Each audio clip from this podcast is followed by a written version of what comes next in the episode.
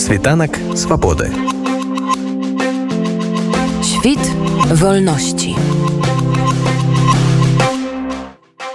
Праграма світанах свабоды на радыёнет з вами Андрусь гаёвы і яшчэ адна значная тэма сённяшняга дня.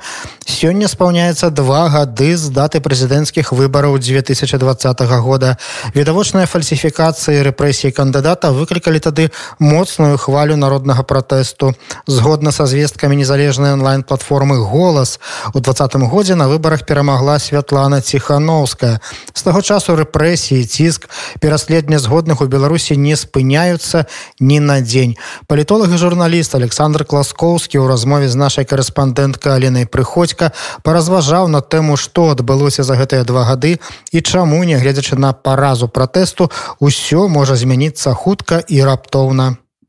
Калі казаць коротко про цяперашні момант то на Беларусь опусцілася змрочная чорная ноч реакцыі пасля вось той мірнай рэвалюцыі пайшла хваля класічнай такой контррэвалюцыі рэакцыі калі кіроўная вярхушка просто тупо помсціць я б так сказаў за ўсе тыя страхі якія яна перажыла у 2020 годзе калі лукашенко ў трон сапраўды захістаўся. І калі б не дапамога Пуціна калі б за ягонай спиной за спиной лукашэнкі не стаяў Крэль то цяжка сказаць чым бы ўсё скончылася Мачыма сёння мы жылі б у іншай у новай Беларусі але вось гэты імперскі чыннік ён на сёння выглядае страшным фатальным амаль што асабліва пасля таго як Москва пачала агрэсію супраць Украіны і лукашенко уліп тут як муха ў смалу бо пасля падзеяў два года ягоная залежнасць ад крамля стала яшчэ большай. Так что з аднаго боку сёння вельмі цяжкі змрочны перыяд калі скажем шчыра у многіх беларусаў якія прагнулі і працягваюць прагнуць перамен наступіў час такой фрустрацыі апаты песімізму дэпрэсіі. По-рознаму гэта можна характарызаваць але факт тое что многім здаецца что вось ну супраць лома няма прыёму что грубай паліцейскай сілай вось гэтымі рэпрэсіямі страхам які ўжо выйшаў на ўзровень дзяржаўнага тэрору я б нават так сказаў. Тэрміны якія даюць праціўнікам рэжыму ўжо перасягаюць нават сталінскія тэрміны. Дык вось у гэтай сітуацыі многім здаецца что ну выйсці ніякага няма бо беларусы тады былі настроены на мірны пратэст. Ну і цяпер скажем шчыра далёка не ўсе готовыя падтрымаць нейкія радыкальныя лозунгі. Гэта асобная цяжкая тэма тому что цяпер і у апозіцыі крызіс пачаўся такі разлад калі тую ж святлану ціхановскую яе каманду яе штаб жорстка крытыкуюць за нерашучасць прапануюць нейкія свае пераможныя стратэгіі. Аднак калі іх аналізаваць то яны падаюцца адарванымі ад рэальнасці. Так напрыклад нехта там скажем нават конкретно вось вадзім прокоп'яў прапануе стварыць за мяжой такую умоўна ён яе называе метафарычна армію андерса по аналогіі з польскай арміяй часоў другой сусветнай войны. Але ну гэта паралель кульгае і скажем шчыра что акрамя того что стварэнне такого войска патрабуе каласальных выдаткаў адкуль на гэта ўзяць грошы дык самое галоўнае хто якая краіна дасць плацдарм для падрыхтоўкі такой армі нават Украіна мы бачым нягледзячы на тое што цяпер яна вядзе вайну яна стараецца асабліва не цвеліць рэжым лукашэнкі вядзе у дачыненні да афіцыйна мінска такую памяркоўную лінію. А ўжо пра іншыя краіны Еўропы і няма чаго казаць. Там баяцца Пуціна баяцца ядзернай вайны і таму нереальна сёння што вось нейкая з гэтых краін дасць базу для падрыхтоўкі такой вось арміі у ўварвання і тады дарэчы лукашенко скажа А что я казаў? Я ж казаў усю дарогу что вось гэтыя натаўцы праклятыя яны рыхтуюць агрэсію яны рыхтуюцца захапіць сінявокую Беларусь Таму лёгка кідаць радыкальныя лозунгі але цяжка іх увасабляць калі пайшла такая вось фаза і тут трэба разумець што ўсяму свой час так? Трэба думаць над стратэгіямі над планамі перамогі але нейкіх цудадзейных пладаў не можа быць вось у гэтай сітуацыі. Калі праводзіць паралелі вось пасля таго як у расійскай імперыі царызм разграміў рэвалюцыю 1905 года нагадаю тады беларускія землі таксама ў склад гэтай імперыі уваходзілі то па ўсёй краіне стаялі вось гэтыя шыбеніцы так званыя сталыпінскія гальштукі і у той час там ні ленін ні пляханаў ні троцкі з іх светлымі галовамі з іх радыкалізмам ніякіх пераможных стратэгій прапанаваць не маглі. Яшчэ больш нават на пачатку 17 -го года Ленін дзе ён там у швейцарыі ці дзе тады быў ён думаў што яшчэ можа десятгоддзі давядзецца быць у эміграцыі. Так што хада гісторыі яна часта непрадказальная і самыя нейкія прадуманыя стратэгіі ламаюцца а хада падзей ідзе паводле сваёй логікі Таму адзінае што можна сказаць вось 2020 год выразна паказаў што вялікая частка беларускага грамадства ўжо гэты рэжым перарасла. Яна прагне перамен. І нягледзячы на рэпрэсіі гэту прагу ўжо немагчыма здушыць. Таму калі грамадства саспела калену перарасло вось гэту анахранічную саўковую сістэму то перамены рано ці позна пачнуцца. Пытанне тут у тым калі і ад чаго пад дзеяннем якіх чыннікаў трэсня рэжым лукашэнкі Вось вы заўважылі што гэтыя падзеі падштурхнули лукашэнку яшчэ ў большую пастку да Пуціна. Але ж ёсць такое меркаванне што ён заўсёды там быў просто гэтыя падзеі праявілі насколькі гэтая пастка моцная і што вось тая незалежнасць про якую увесь час кажуць у Беларусі яна ілюзорная. І што калі б не было гэтага пратэста можа бы і удзел Беларусі у вайне супраць Украіны якая ўжо зараз відавочна відавочна планавалася загадзя і не была такой апантаннай. Можа быть гэты удзел быў больш відавочным больш прамым і больш хуткім.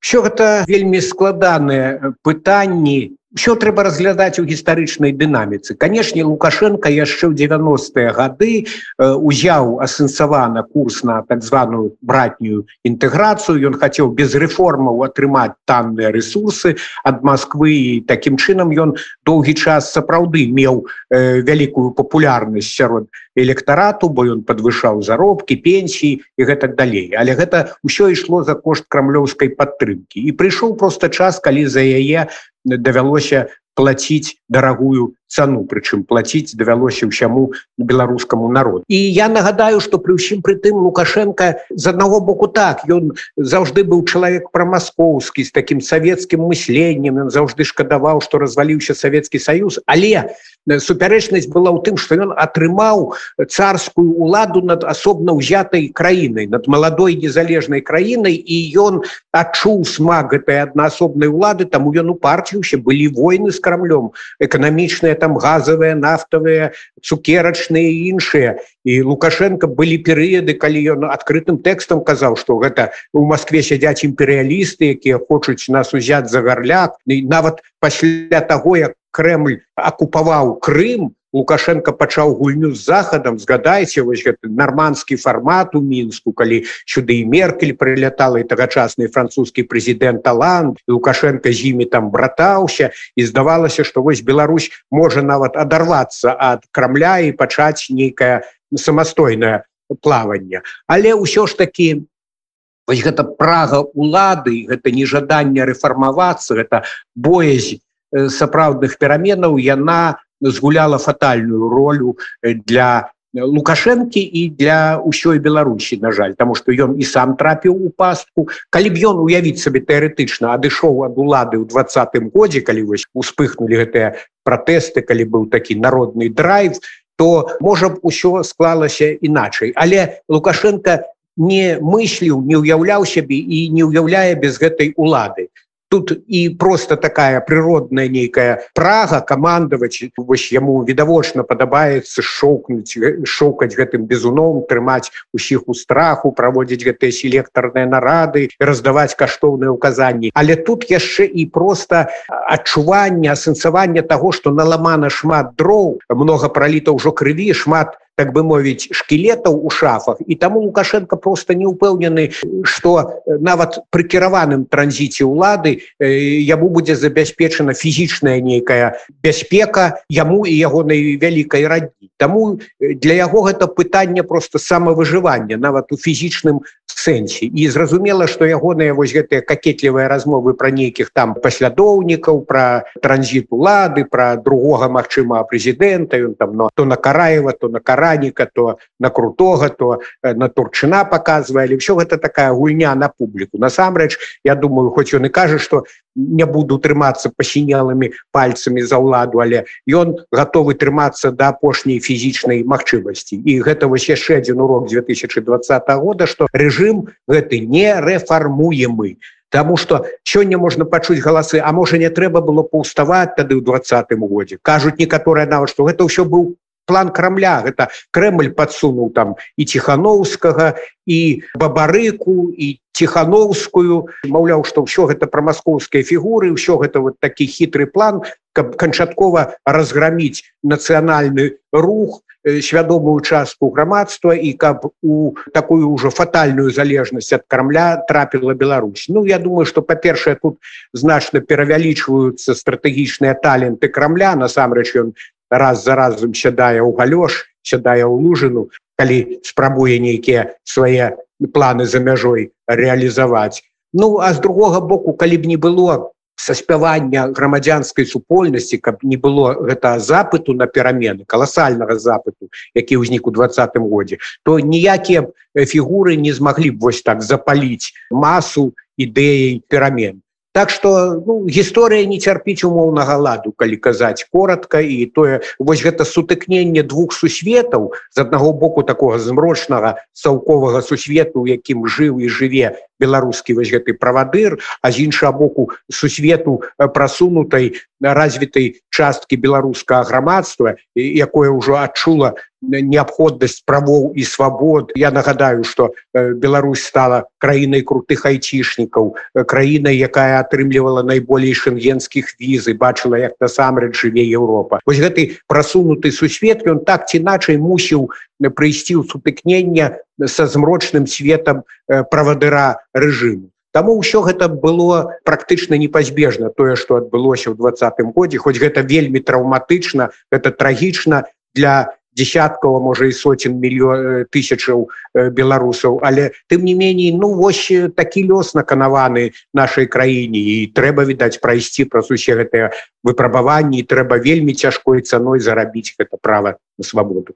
Так у двадцатым годзе вялікая колькасць людзей вельмі розных аб'ядналася выходзіла на вуліцы і ўсе прагнули пераменаў усе прагнули каб гэты рэжым скончыўся. Але як показалі вось гэтыя два гады і тое раз'яднанне якое зараз адбываецца і сярод беларускай пазіцыі і ўвогуле калі так паглядзець на прасторах байнета так что люди пишутць а высветлілася тое что мэта нібыта была ва ўсіх аднолькавая разрынуць рэжым. Але каштоўнасці ва ўсіх розныя. Ну то бок хтосьці хацеў аднаго лукашэнку замяніць на іншага. Хтосьці чакаў што прыйдзе Пуін і всех вызваліць і мы аб'яднаемся з рассеяй і гэта нармалёва. Хтосьці бачыў дэмакратычную Беларусь. І вось тое раз'яднанне якое мы маем зараз паміж беларусамі і ва ўнутры краіны і звонку хто выехаў гэта вынік того что у наша вось гэтая еднасць двадцатого года яна таксама была такой ну імгненнай можа нетрывалай. Так сапраўды тут э, не трэба схематызаваць вось тое что адбылося ў двадцатым годзе чым грашаць некаторыя там апозіцыйныя публіцысты палітыкі што вось увесь народ паўстаў супраць рэжыму і гэтак далей. Гэта безумоўна спрашчэнне.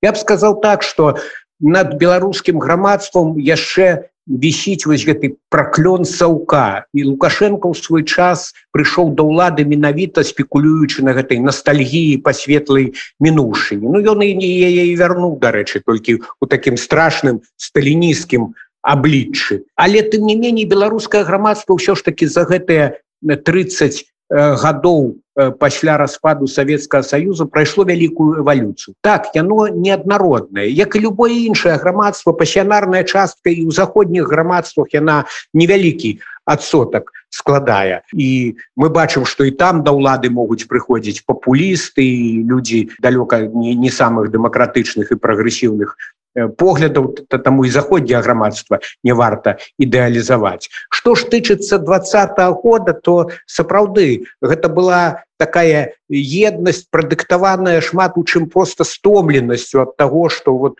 уже третье десятгоддзя у тэлевізары один і той же чалавек пагражае ўсім кайданкамі шоўкая гэтай пугай э, цвердзіць мантру про этой жестачайший спрос які нібыта павінен цудадзейным чынам э, эканоміку ўзняць там і привесці да дабрабыту ўсё гэта э, абрыдла людям самымі рознымі поглядамі. Цяпер вось калі тое мірнае паўстанне відавочна пацярпела паразу гэта трэба прызнаць пачаўся перыяд такога вось канешне дэпалітызацыі па-першае і незалежная сацыялогія констатуе что павялічваецца так званое балота слой вось гэтых нейтралаў калі болей карэктна іх называць якія адыходзяць ад палітыкі хаваюцца ў нейкія побытавыя пытанні у тое каб як гэта было за савецкім часам просто за кошт унутранай эміграцыі адбудаваць свой нейкі асабісты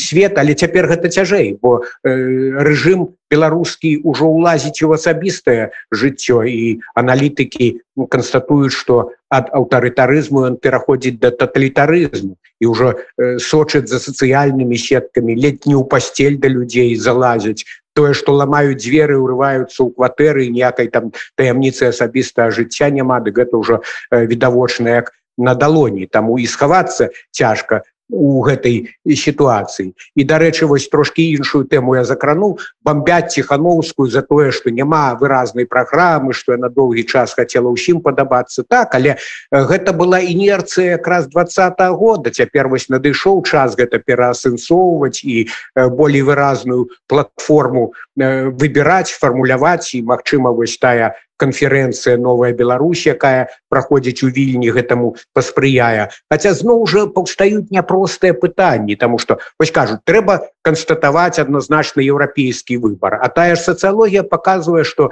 калі рубам ставіцца пытанне які союз для вас лепшы союз з Росіяй ці еўрапейскі звяз то большасць ўсё ж адносная большасць аддае перавагу усходняму вектару Таму ўсё гэта непросто і гэта за один дзень ці нават за год не пераробіш бо масавая свядомасць гэта рэч вельмі інертная. Таму калі казаць коротко то канешне праціўнікам улады варта настройвацца на такі доўгі э, шлях на марафон. Хотя вось цяпер калі ідзе вайна ва ўкраіне і калі пачаліся ў рэгіёне вельмі дынамічныя працэсы то перамены могуць прыйсці хутчэй чым многія думаюць.